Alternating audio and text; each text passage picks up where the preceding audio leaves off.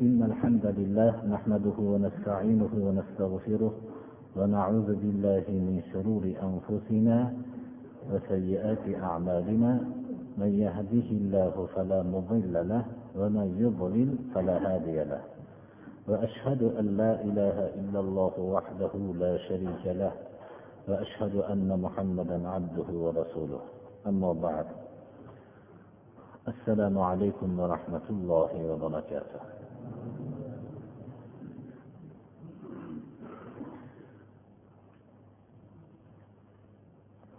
استعيذ بالله. وجاوزنا ببني إسرائيل البحر فأتوا على قوم يعكفون على أصنام لهم. قالوا يا موسى اجعل لنا إلها كما لهم آلهة. قال إنكم قوم تجهلون. إن هؤلاء متبر ما هم فيه وباطل ما كانوا يعملون. قال أغير الله أبغيكم إلها وهو فضلكم على العالمين. صدق الله العظيم.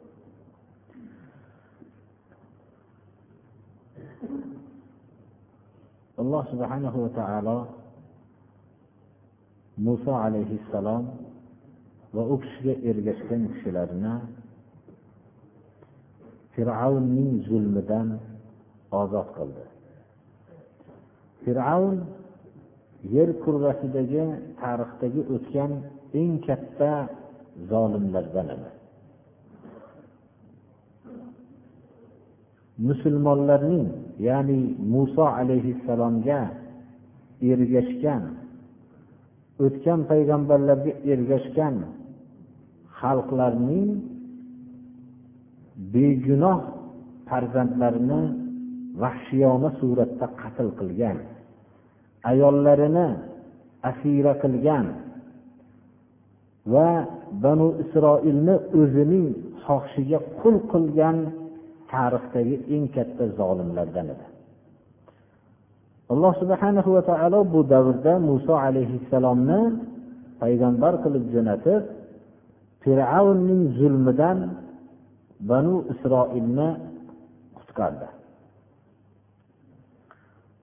Inson uzoq vaqt zulmda yashaganda uzoq vaqt xorlik ya'ni insonga qul bo'lishlik bosqichida yashaganda inson bir qisman xorlikka odatlanib qoladi. U bir azizlikni ko'rganda azizlikni tushunolmay ham qoladi. Chunki uzoq vaqt insonga qul bo'lib yashashlik odamni xorlikka o'rgatib qo'yadi. Va shu bilan birga inson har qancha qiyinchilikdan chiqqanda ham olloh saqlaganlar mustasno ollohni ne'mati muyassar bo'lganda unga shukur qilolmaydi. Mana bu bugungi darsimiz banu isroilning ollohni ne'matiga shukur qilolmaganligini bayon qilyapti. Alloh subhanahu va taolo qur'oni karimda banu isroilni biz suvdan olib o'tib qo'ydik. Ya'ni nil shunday qattiq jo'shqin bo'lib oqayotgan vaqtda alloh subhanahu va taolo muso alayhissalomga buyurdiki asoyiz bilan dengiz daryoni uring asoni uloqtirdilar.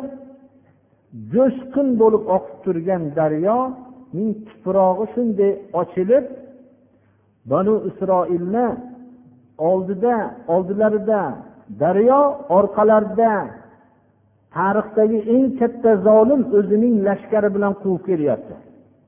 Qochadigan joy yo'q.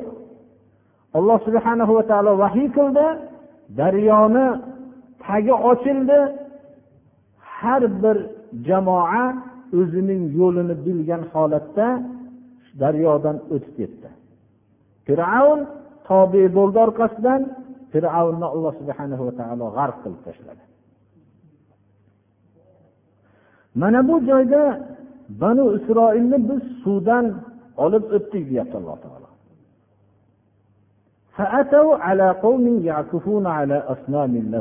Ollohni eng katta ne'matini ko'rishdilar.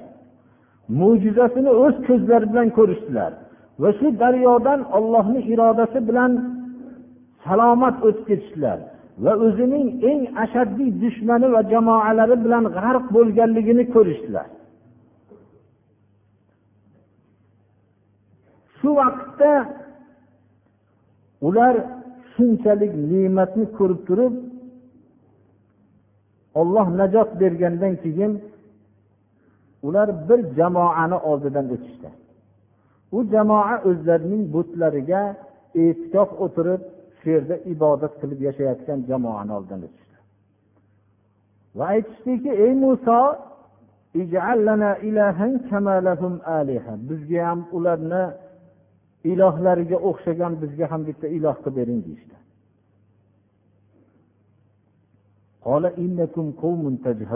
Muso alayhissalom sizlar bu hech narsaga aqlinglar yetmagan johil toifamisizlar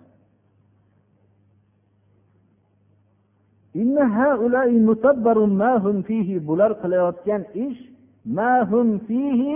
ular nima ish qilishayotgan bo'lsa ular qilayotgan amallar hammasi turgan bitgani hammasi botildir. Ular qilayotgan narsalar botil tagi puch narsalardir. قال أغير الله أبغيكم إلها وهو فضلكم على العالمين. Ollohdan boshqani sizlarga iloh qilib beramanmi? Vaholanki olloh sizlarni butun olamdan ortiq qilib turibdiyu hozirgi soatda? Sizlarning eng ashaddiy dushmaninglarni sizlarning avlodinglarni qattiq vahshiyona suratda qatl qilib turgan ayollaringlarni asira qilib turgan o'zinglarni xorlayotgan dushman va uning jamoasini halok qilib yer yuziga sizlarni eng ulug' xalqlar qilib turibdi. Shu zamondagi eng ana shu vaqtdagi eng oliy xalqlar qilib turgan zotdan boshqani sizlarga iloh qilib beraman. Inson ollohni ne'matini agar uni fikr qilolmasa o'zining eski johiliyatiga qaytib qoladi. Bu iymonning halovati nasib bo'lmasligidir. Rasululloh sollallohu alayhi vasallam aytdilarki uch narsa borki uch narsa borki kimda shu uch narsa topilsa iymon halovatini tatiydi. Birinchisi وأن يحب المرء لا يحبه إلا لله وأن يكره أن يعود في الكفر كما يكره أن يقذف في النار alloh rasuli boshqa hamma narsadan suyumli bo'lsa birinchisi ikkinchisi birovni faqat olloh uchun yaxshi ko'rsa uchinchisi olloh uni kufrdan najot bergandan keyin johiliyatdan najot bergandan keyin bunga qaytishlikni o'tga uloqtirilishlikni yomon ko'rgandek yomon ko'rsa shundagina iymonning halovat lazzatini tatiydi dedilar. Ko'p kishilar ma'siyatdan chiqishadi gunohdan chiqishadi lekin iymonni halovatini tatimaganligi natijasida haligi ma'siyatni yana qaytib ko'rgan vaqtida u eski o'sha ma'siyatdagi sharik bo'lgan ulfatlarni ko'rganda shu narsani yana kuchlab shu yo'lga kirib ketaveradi. Kashandalar birovni kashandalik qilib turganligini ko'rsa yana bir haligi kichkina kasalga o'xshagan shu vaqtda kashandalikni kutab qoladi. Mast qiluvchi ichimlikni ichib yurgan odam alloh subhana va taolo shu ma'siyatdan qutqargandan keyin yana shu ma'siyatni bir joyda ko'rsa u ma'siyatni yana havas qilib qoladi. U iymonning halovati nasib bo'lmagan kishilar. Ular bir rasman islomni qabul qilib qolgan biror bir masjidda namoz o'qigisi kelib kirib qolgan odamlar. Yoinki ular mahallada bir ehsonlarda hijolat bo'lib qolishlik uchun musulmon bo'lgan odamlar. Iymonning halovati nasib bo'lgandan keyin o'zini bunday ma'siyatlardan chiqqanligini najasxonadan chiqqan deb e'tibor qiladi. Va yana qaytib najasxonaga kirishligini qaytib u o'zi shu masiyatga qaytayotgan vaqtda najosxonaga qaytib kelayotganligini his qiladi. Mana bu iymonning halovatidir birodarlar.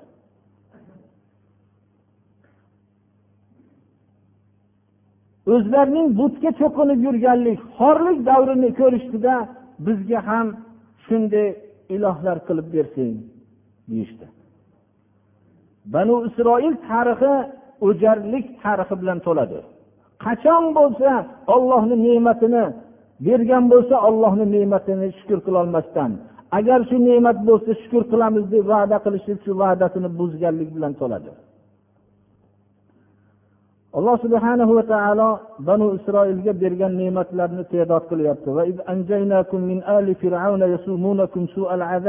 يقتلون أبناءكم ويستحيون نساءكم وفي ذلكم بلاء من ربكم عظيم yodinglarga olinglar ey banu isroil sizlarni ya'ni ajdodlarni najot berganligini alloh taolo janobi rasululloh sollallohu alayhi vasallam davridagi banu isroilga sizlarni deyilyapti Qaysi bir kishining ajdodiga olloh ne'mat bergan bo'lsa u ne'matdan albatta avlod ham bahramand bo'ladi.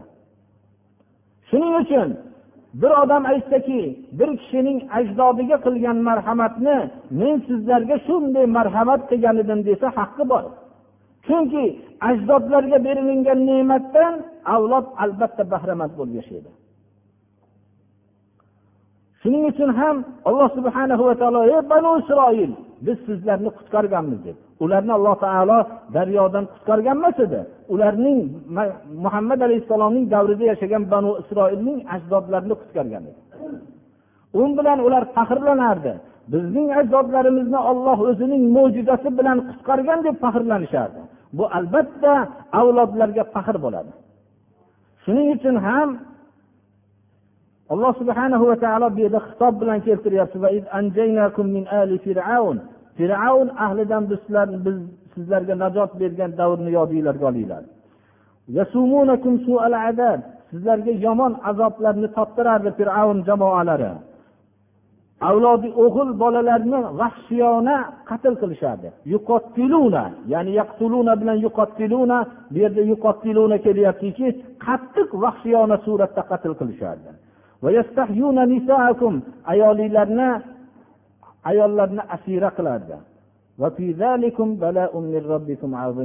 bu narsada sizlar robbiylar tarafidan katta imtihonlar bordir. Mo'min kishilarning boshiga yetgan musibatlar va ne'matlar hammasi imtihondir. Fir'avn najoti fir'avndan najot berishligi ham olloh tarafidan imtihondir. Uni kayf safo qilib yashashlik uchun olloh ne'mat bermaydi bizga. Bizdagi boshimizga tushgan musibatlar ham mo'min kishilarning boshiga tushgan musibatlar birodarlar bu imtihondir. Ularga berilgan ne'matlar ham imtihondir. U boshlariga tushgan musibat ularni alloh subhana va taolo ulardan voz kechganligini belgisi emas. Ularga bergan ne'matlar ularning yaxshiliklari uchun berilingan bu qilingan ishlariga bo'lgan mukofot emas birodarlar. Balki imtihon deb mo'min kishi tushunadi. Mo'min kishi o'zining hayotidagi hamma harakatning mukofotini jannat deb kutadi u dunyoda berilgan martabalarni mukofot deb e'tiqod qilmaydi. Bularni hammasini imtihon deb biladi. Va o'ziga yetgan kambag'allikni ham imtihon deydi. Badavlatlikni ham imtihon deydi. Tandurustlikni ham endi bu kasallik vaqtlarida davr surishlik uchun berilgan narsa deb bilmaydi. Balki menda mas'uliyat yana ham kuchaydi. Kasalligimda ba'zi bir uzrlar bor edi endi uzrlar qolmadi deydi. Endi allohning ne'matiga ko'proq shukur qilishligim kerak deb biladi. Alloh subhana va taolo mana bu yerda mir robbikum tarbiyat kunandanglar tarafidan deyishlik bu ishlar hammasi bizga tarbiya bo'lmoqligi kerak birodarlar. Tarbiyat kunanda tarafidan katta bir imtihondir bo'lib ham imtihonning kattasi insonga davr martaba dunyolar kelgan vaqtidagi imtihon katta imtihondir birodarlar. Bunda olloh o'zi saqlaganlargina salomat qiladi. Kambag'allik vaqtlarida ko'p kishi o'zlari salohiyatliroq holatda bo'ladi.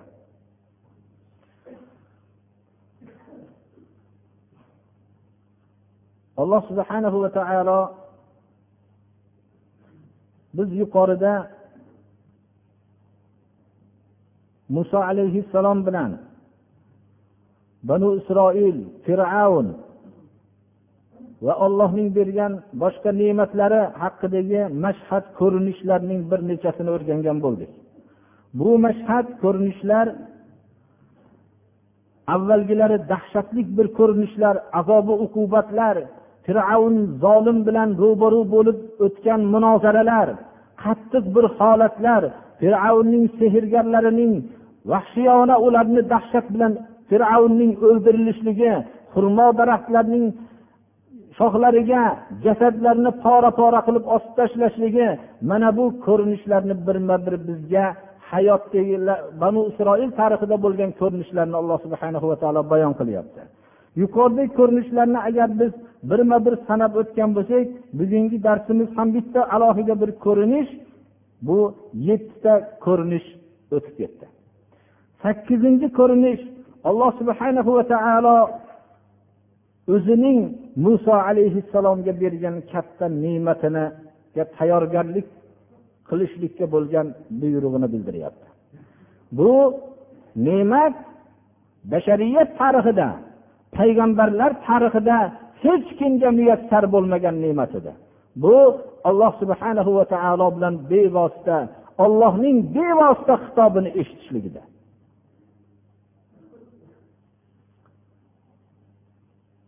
foniy insonning abadiy azaliy zotning xitobini bevosita eshitishligida albatta bunga har qanday ruhoniyati kuchli bo'lgan inson ham tayyorgarlik ko'rmoqligi kerak edi alloh subhana va taolo bu tayyorgarlik ta'limini o'zi berdi وواعدنا موسى ثلاثين ليلة وأتممناها بعشر فتم ميقات ربه أربعين ليلة muso alayhissalom bilan deydi alloh taolo va'dalashdik.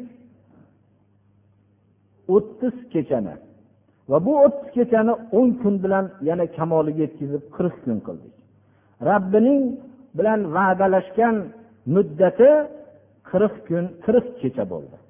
Bu yerda kecha ko'proq zikr qilinishligi tayyorgarlik ko'proq kechada kechaning shirin uyqu bo'lgan soatlarda tayyorgarlikka e'tibor berishlikka alloh subhana va taolo ishora qilayotgan bo'lsa kerak.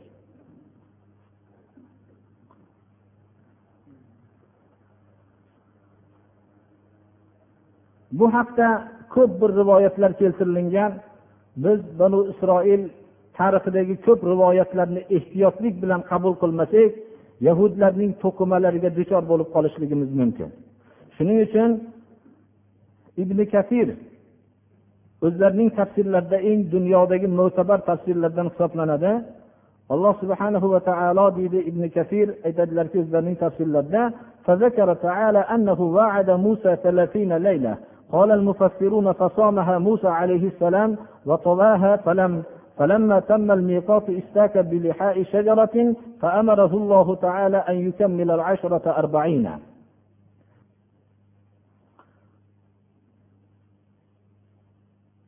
muso alayhissalomga alloh subhanahu va taolo o'ttiz kecha va'dalashganligini zikr qilyapti. Shunda mufassirlar shu o'ttiz kechani bayon qilishib aytadilarki muso alayhissalom shu o'ttiz kecha ro'za tutdilar. Balki bu paydarpay ro'za tutdilar degan kalimalar ham bor. Vaqtiki miqot shu muddat tamom bo'lganda bu kishi daraxtning po'stlog'i bilan misvoq qildilar. Inson ro'za tutganda og'izda ba'zi bir bo'y hosil bo'ladi biror bir taom yemaslik shunday sabab bilan misvoq qildilar alloh subhana va taoloning munojotini eshitishlikka tayyorgarlik ko'rdilar o'ttiz kun ro'za tutib. Alloh subhana va taolo o'n kun bilan qirq kun qilishlikka buyurdi. Deb ibn kasir o'zlarining tafsirlarida mufassirlarning shu so'zlarini keltirishadilar. Muso alayhissalom munojotni eshitishlik muddati yaqinlashishlik bilan ollohning tayin qilgan muddatidagi buyruqni bajarganlaridan keyin o'zlarining ukalari horunga aytdilar وقال موسى لأخيه هارون اخلفني في قومي وأصلح ولا تتبع سبيل المفسدين daryodan ollohning shunchalik katta ne'matini ko'rib daryodan o'tiblar butga sig'inib turgan bir toifalarni ko'rib bizga ham shunday butlardan qilib bering degan xalqlarni o'z holida tashlab ketishlikdan og'ir narsa yo'q edi birodarlar. Bularning o'zgarib qolishligidan har qanday rahbar tashvish qilardi. Qo'l ostidagi ergashib turgan jamoaning rahbari doim ularni fikrlarining o'zgarib qolishligidan tashvish qiladi. Chunki rahbar qo'l ostidagi odamlarning ba'zi bir mukofotlarga aldanib o'zgarib ketishligini yo biror bir boshlariga bir tashvish g'am g'ussa yetganda tamoman o'zgarib ketishligini biror bir dahshatli gap eshitganda tamomiy namozlarga ham beparvo bo'lib ketishligini yaxshi biladi. Shuning uchun muso alayhissalom ukalari horunga aytdilar qavmimga sen menga xalifa bo'lib turgin dedilar. Qorun alayhissalom ollohning payg'ambari edi. U kishi bu xalifalikni albatta o'tadilar qo'lingdan kelgancha isloh qilib shunday ishlar qilib turing. Buzg'unchilarning yo'liga ergashib ketib qolmang dedilar.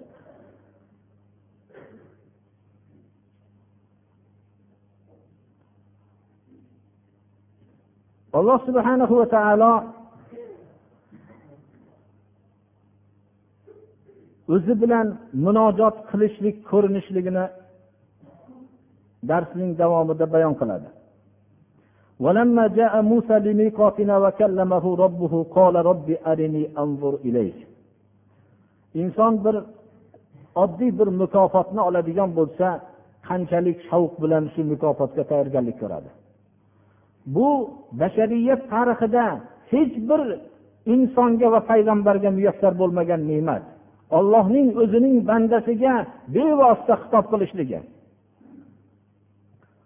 Miqot va'dalashgan soatda yo va'dalashgan o'ringa muso alayhissalom kelgan edilar.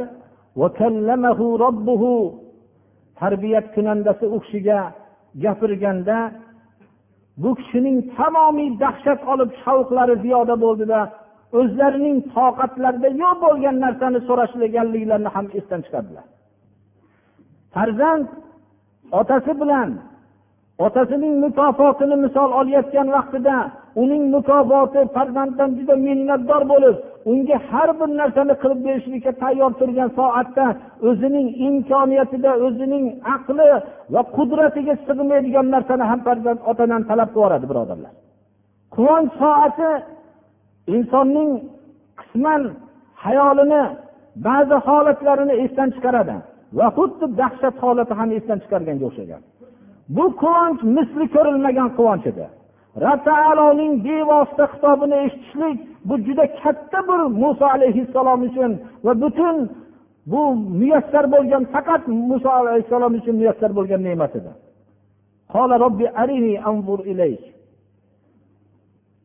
Ey robbim menga o'zingni ko'rsatgin bir qaray dedi.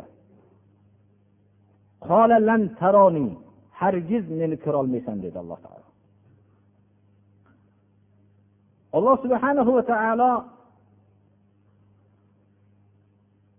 yer yuzida bashariyat tarixida o'zini ko'radigan ko'zni yaratmadi. Alloh subhanahu va taolo o'zini jamolini qiyomat kuni o'zining mo'min bandalariga o'zi xohlagan bandalarga ko'rsatadi.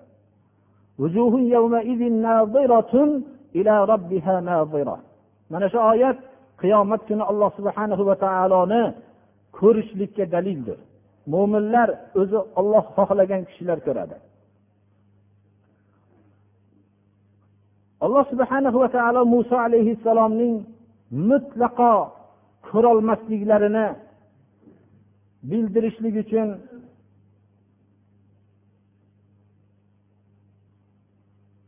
o'zining mo'jizasini ko'rsatdi.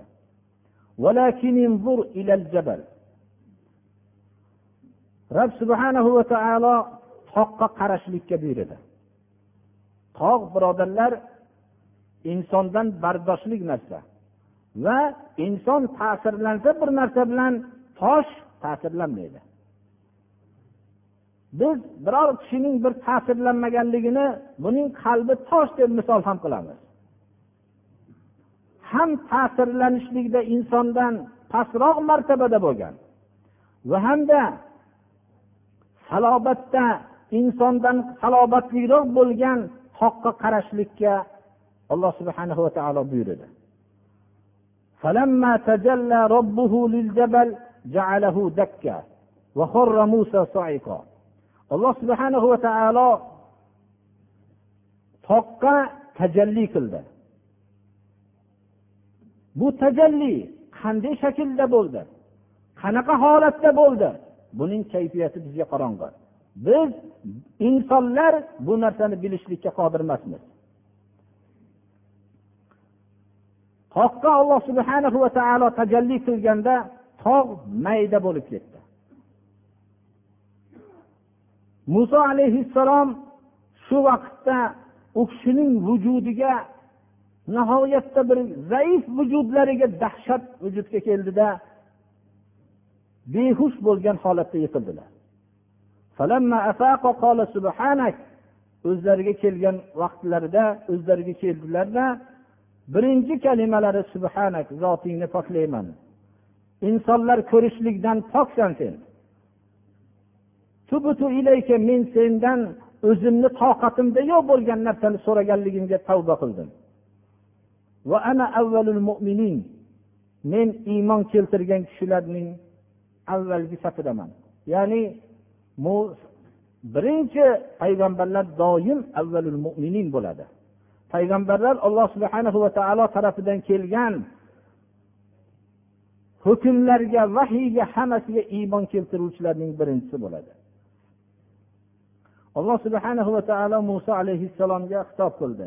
Takror aytamiz buni ham muso alayhissalomga xitob qanday bo'ldi? Qanday shaklda bo'ldi? Buning kayfiyati bizga qorong'i. Biz insonlar bu haqda bahs yuritmaymiz. Bu haqdagi bahs bizni iymonimizni ziyoda qilmaydi. Bu haqdagi bahs bizning toqatimizda yo'q bo'lgan narsadir. Insonlarga ilmdan ozgina ulush berilgan xolos. Ko'p kishilar xususan dinda shakki bo'lganlar yo mutlaqo dinni inkor qilganlar musulmonlar qaysi narsani o'zlari bayon qilisholmasa buni biz insonlar bu narsani bilishlikka qodir emasmiz deb qutulib ketishmoqchi bo'lishadi deydi. Bu narsani ochiq aytmoqligimiz kerak. Siz o'zingizga bir savol qiling. Hali yaratuvchi haqida bahs qilmang siz yaralmish haqidagi bir bahsni o'zingizga qiling. Bir oddiy xohlagan ko'zingizga ko'ringan bir narsani oling. Xoh daraxtlarning bir bargini oling. Xoh daraxtlarning mevasini oling. Xoh o'zingizni jasadingizni biror bir a'zoga qarang va aytingda o'zingizga savol qilib shu narsani hammasini bilaman deng. Shu bargning tarkibini hammasini men bayon qilolmayman deng.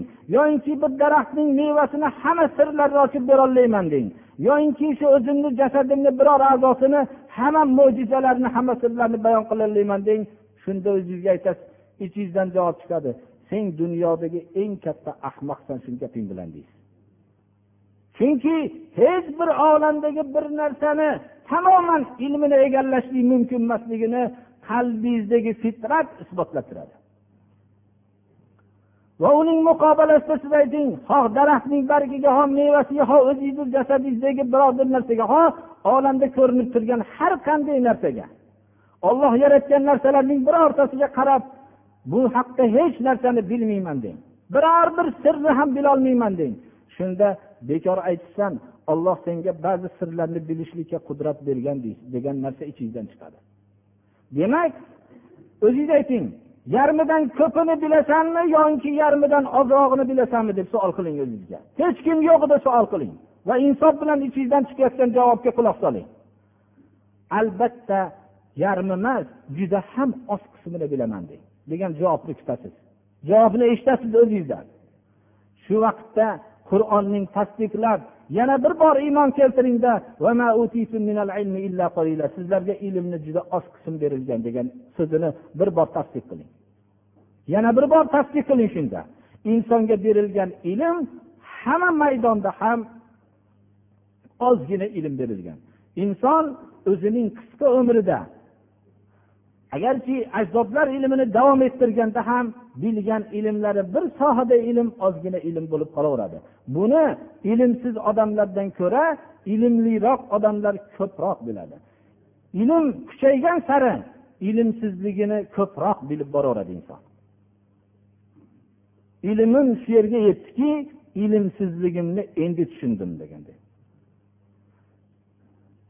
bu bir yaralmish. Bunga nisbatan insonning ilmi shu bo'lsa yaratuvchini bilishlik haqida bo'lgan ilmi albatta nihoyat darajada oz bo'ladi.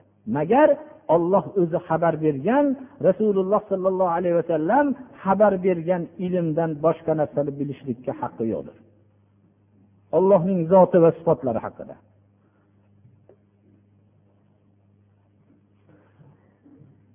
قال يا موسى إني اصطفيتك على الناس برسالتي وبكلامي فخذ ما آتيتك وكن من الشاكرين alloh subhanahu va taolo muso alayhissalomga xitob qildi men sizni odamlarga o'zimning risolatlarim bilan va o'zimning bevosita gapirishligim bilan odamlardan ortiq qildim sizni men bergan hukmlarni oling va bunga shukur qiluvchilardan bo'ling. Payg'ambarlar olloh tarafidan berilgan ne'mat bilan faxrlanib kerilishgan emas ular doim ne'matlarga shukur qilishganlar. Hamma payg'ambarlar tarixi shundaydir. Alloh subhanahu va taolo shunga buyurgan.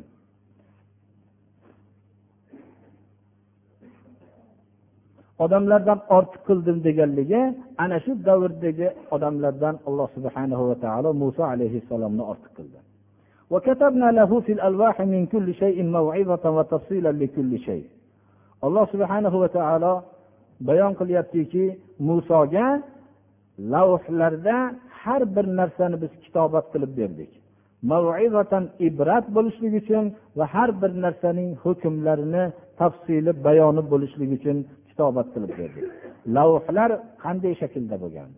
Bu lavhlarning qanday kitobat qilingan? Bu narsa bizga kayfiyati qorong'idir birodarlar. Bu haqdagi ba'zi bir yahudlarning to'qimalari asosida ishlangan ba'zi bir ko'rsatuvlar bular hammasi to'qima yahudlarning to'qimalaridir birodarlar. Birortasini bularni tasdiqlab bo'lmaydi birodarlar. Biz shuni bilamizki alloh subhana va taolo muso alayhissalomga lavhlarda ko'p narsalarni ming kulli shay har bir narsadan kitobat qilib berdi. Ibrat bo'lishligi uchun va har bir narsaning tafsili bayoni bo'lishligi uchun kitobat qilib berdi.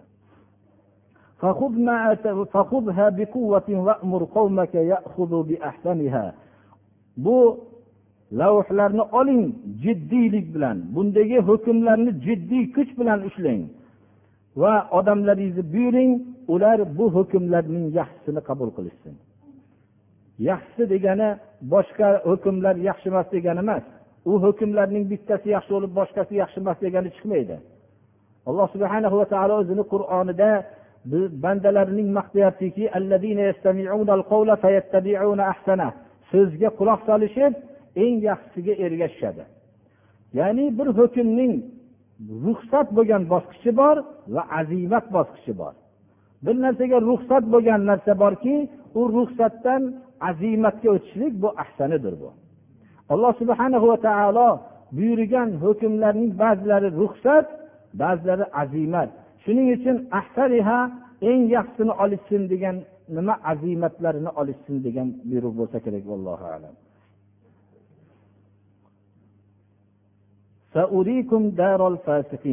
Alloh subhanahu va taolo muso alayhissalomga hukmlarni tavrotni berdi va bundagi hukmlarni hammasini yaxshilarni olishlikka buyurdi va kuch bilan ushlashlikka buyurdi. Chunki bular tayyorgarlik ko'rishliklari kerak edi. Bu arzul muqaddasa muqaddas yerni muso alayhissalom o'zlariga ergashgan kishilar bilan fath qiladilar shuni alloh subhana va taolo mana bu yerda qisqaroq qilib boshqa suralarda uzunroq o'tgan fosiqlarning diyorlarini sizlarga ko'rsatamiz ya'ni sizlarga bu yerlarni fath qilib olib beramiz deydi alloh taolo سأصرف عن آياتي الذين يتكبرون في الأرض بغير الحق وإن يروا كل آية لا يؤمنوا بها وإن يروا سبيل الرشد لا يتخذوه سبيلا وإن يروا سبيل الغي يتخذوه سبيلا ذلك بأنهم كذبوا بآياتنا وكانوا عنها غافلين o'zimning oyatlarimdan deydi alloh subhanahu va taolo kelajakda yerda nohaq takabburlik qilgan kishilarni buraman ya'ni meni oyatlarimdan ularni burib qo'yaman mening oyatlarim bilan ta'sirlanishmaydi Qaysi bir kishi nohaq takabburlik qilsa kibriyo alloh subhanahu va taoloning o'ziga xos mana bu ollohga xos bo'lgan sifatni davo qilishligi bilan ollohning oyatlaridan mahrum bo'ladi. Bu mutakabbir bo'lgan odamlarning belgilari shuki qaysi bir mo'jizani ko'rishsa olloh tarafidan bo'lgan mo'jizani ko'rishsa iymon keltirishmaydi. Agar to'g'ri yo'lni ko'rishsa uni o'zlariga yo'l qilishmaydi. Qayerda bir dalolat yo'lini ko'rishsa o'zlariga yo'l qilishadi. Birodarlar bashariy tabiat mana shunday holatda hozir ham. Qaysi bir to'g'ri yo'lni gapirsangiz o'ziga to'g'ri yo'l demaydi. Bir soat gapirsangiz to'g'ri yo'llarni quloq solib turadi. Shuning ichida bironta bir egri yo'l chiqib qolarmikin deb. Agar bir bir soat mast qiluvchi ichimlikni haromligini gapirsangiz shuni qabul qilmaydi. Shuni ichida sal bir ruxsatga o'xshagan bir gapni ishorasi o'tib ketsa mana shu yeridan boshqa yeri esdan chiqib ketadi she'r esda qoladi. Kashandalik haqida ham shaharma shahar so'rab boraveradi. Biror bir harom bo'lgan narsani ham so'rab boraveradi. Ayolini uch taloq qilib qo'ygan bo'lsa ham shaharma shahar yurib so'raveradi. Hech to'g'ri gapni hech qabul qilmaydi balki qulog'ida bir og'irlik borganda bu yerga kirmaydi hech ham. Ammo shuni bir haromni halol qiladigan biror kalimani eshitib qoladigan bo'lsa shuni makka ushlaydi va shu shaharni maqtaydi shu shahardagi shu olim katta olim ekan deydi. Qaysi bir to'g'ri yo'lni ko'rishsa insonlar o'ziga to'g'ri yo'l qilmaydi. Ammo zalolat yo'li bo'lsa quloq solib turaveradi. Hech erinmaydi quloq solishlikdan shu o'zining maqsadiga muvofiq bo'lgan bir yo'l chiqib qolarmikin deb misol qilib aytganimizda mana ko'p misol qilib aytamiz ba'zi tabiblarning nomi chiqib ketishligi ham shunga o'xshagan birodarlar. Biror bir doim yaxshi taomlarga o'rgangan odam bir tabibni oldiga borsa sizning issig'ingiz nihoyatda oshibdi. Albatta siz xo'rda iching hech qachon go'shtni yaniga bormang deb shunday degan bo'lsa u uyga borib biror soat bir kun ikki kun yashagandan keyin qiynala boshlaydida yana bir boshqa tabibni oldiga bir borib ko'raychi deydi. Boshqa tabib u ham shunday desa boshqa shaharlarga ham tabib bor desa boraveradi. Uni maqsadi tuzalishlikdan ko'ra ham shu narsalarni yeyishga ruxsat beradigan bir tabibni topishlik.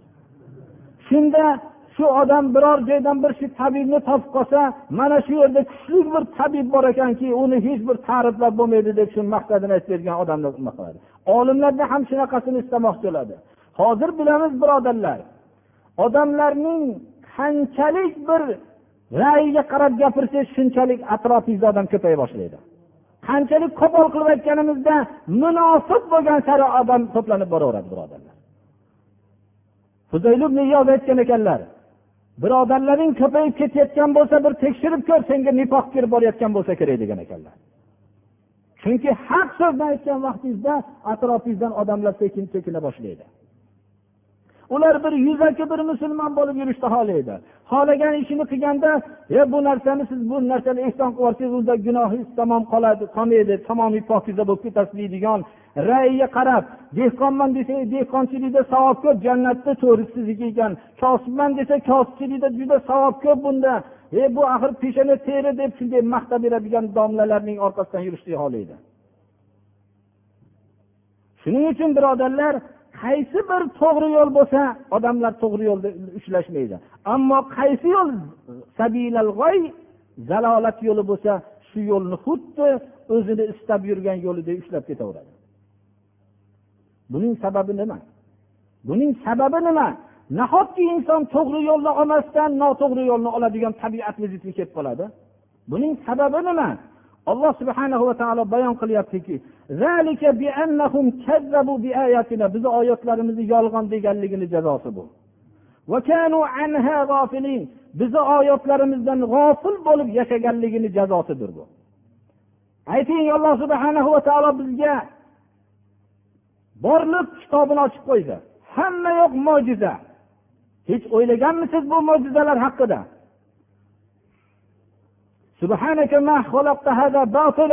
Bularni hech botil ma'nosiz qilib yaratganing yo'q. Har biri hikmat bilandir deb o'ylaganmisiz? Alloh subhana va taolo qur'oni karimni jo'natdi. Bu oyatni o'zingizni har kuni biror bir ko'rsatuvni ko'rasizu. Qur'onni ham har kuni tark qilmay ko'rganmisiz?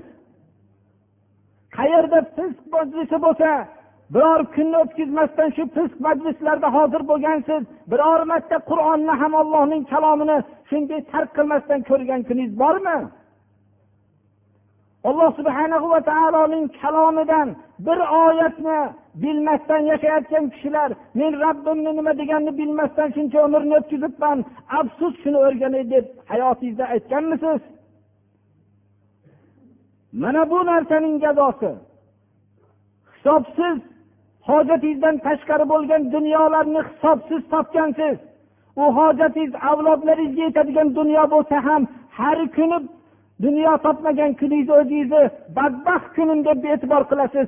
Ammo ollohning oyatlaridan biror oyatni bilmagan kuningizni ham badbaxtlik kuni deb e'tibor qilganmisiz?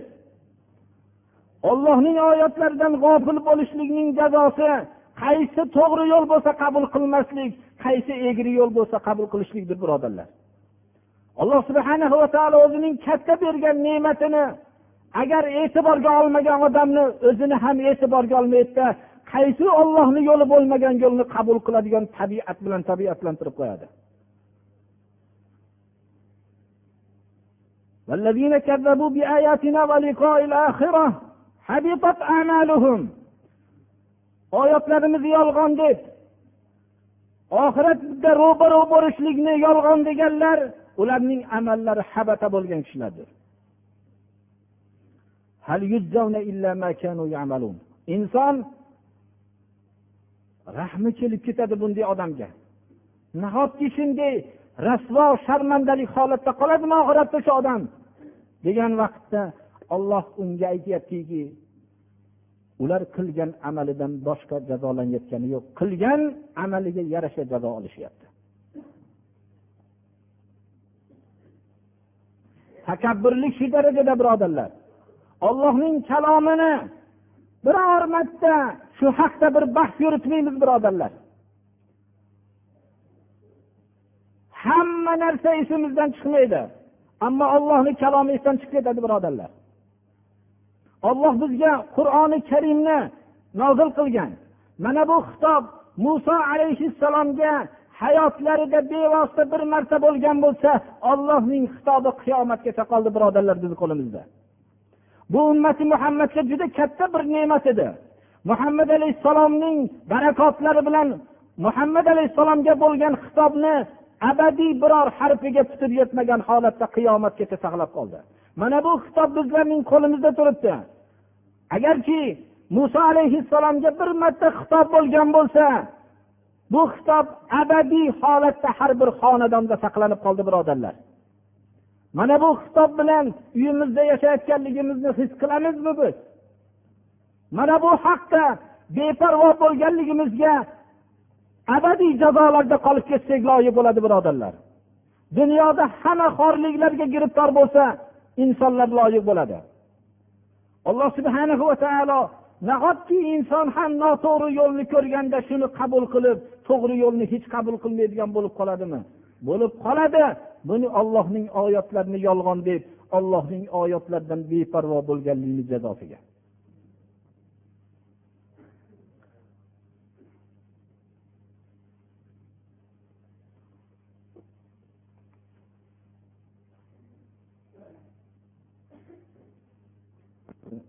Duo qiling debdilar haj to'g'risida ekan inshaalloh buni ham o'rnida aytamiz. Bu yerda bir savol bor ekan savolni ma'nosi shuki sura ibrohimda ibrohim alayhissalom رب اجعلني مقيم الصلاة ومن ذريتي ربنا وتقبل دعاء ربنا اغفر لي ولوالدي وللمؤمنين يوم يقوم الحساب shu oyati bor yuqorida ko'p duolarni oxiri shu bilan tugaydi shu duoda bu kishini otalari ozar buttarosh ekanligini bilamiz shu kishi otalari buttarosh haqida istig'for aytyaptiyu degan ishtibo ekan ربنا اغفر لي ولوالدي وللمؤمنين يوم يقوم الحساب haqiqatda bu ishtibo haqlik ishtibo qilishlikka arziydi qur'oni karimda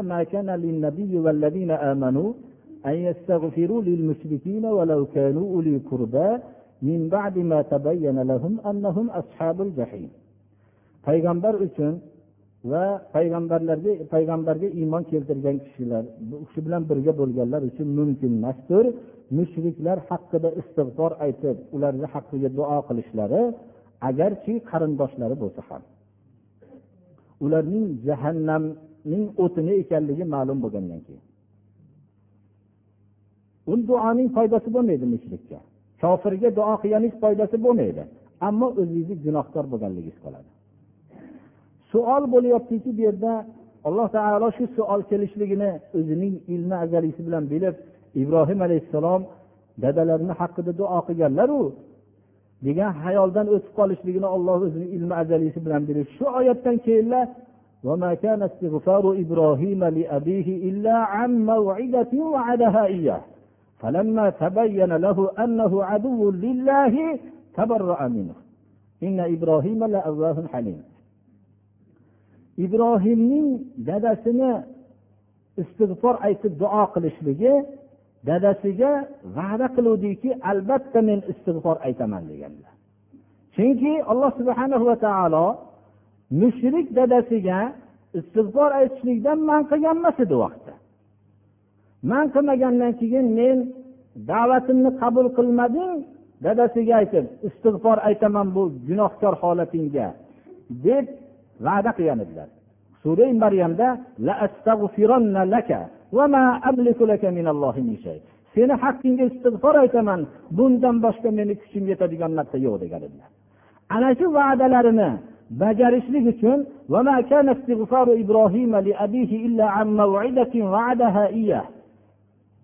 va'da qilganligi uchun shu bajarishlik uchun istig'for aytuvdilar ollohning dushmani ekanligi ravshan bo'lgandan keyin bezor bo'ldilar dadasidan rasululloh sollallohu alayhi vasallam abdulloh ibn ubay munofiq edi islomga zarar bergan olloh rasuliga ozob bergan lekin tilida iymon aytib yurardi. Abdulloh ibn ubay munofiqning o'g'li abdulloh ibn abdulloh ibn ubay bu kishi ulug' sahobalardan edi. Abdulloh ibn ubay munofiq o'lgandan keyin rasululloh sollallohu alayhi vasallam janozalariga borib borishlik uchun tayyorgarlik ko'rdilar.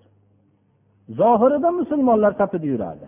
Payg'ambarimiz sollallohu alayhi vasallam olib kelgan yo'l zohirda zohirlardan iymonni qabul qilish botillarni allohga topshirishdir.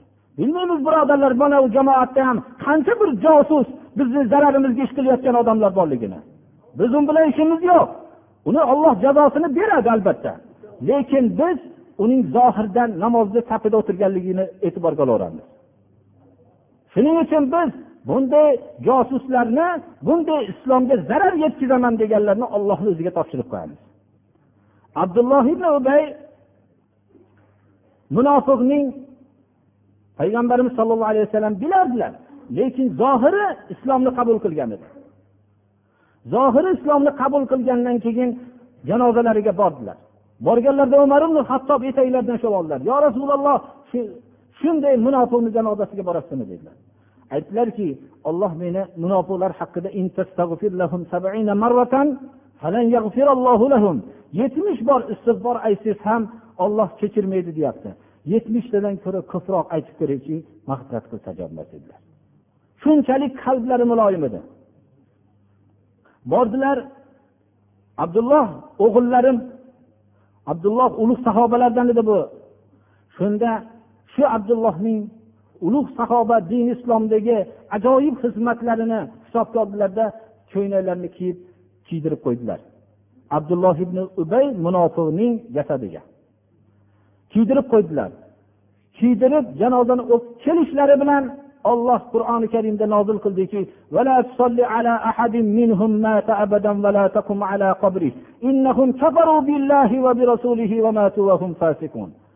ularning munofiqlarning janozasini o'qimang ularning qabrini ustida turmang. Ular olloh rasuliga kofir bo'lganlar. Ular fosiq bo'lib o'lib ketganlar deb oyat nozil bo'ldi. Shundan keyin rasululloh sollallohu alayhi vasallam mutlaqo kofirni janozasiga bormadilar. Umar ibn hattob to'rt narsada rabbim muvaffaqat qildi deb faxrlangan to'rtta sifatning bittasi shu birodarlar. Rabbim mening mening fikrimga muvofiq oyat nozil qildi deb faxrlanganlarini bittasi shu bo'lgan. Shuning uchun ham buyrug'idan qaytarilmaguncha payg'ambarlarning qalblari muloyim bo'lgan va dushmanlar haqida ham istig'for aytishganlar mana bu ibrohim alayhissalom dadalari haqidagi bo'lgan istig'for ham man qilinishlikdan ilgari bo'lgan. Vaqtiki u ollohni dushmani ekanligi ma'lum bo'lgandan keyin alloh subhana va taolo bezor bo'lishlikni bildirgandan keyin bezor bo'ldilar. Mana bu misol bilan yana ham tushunarli bo'lgan bo'lsa kerak. Vallohu alam.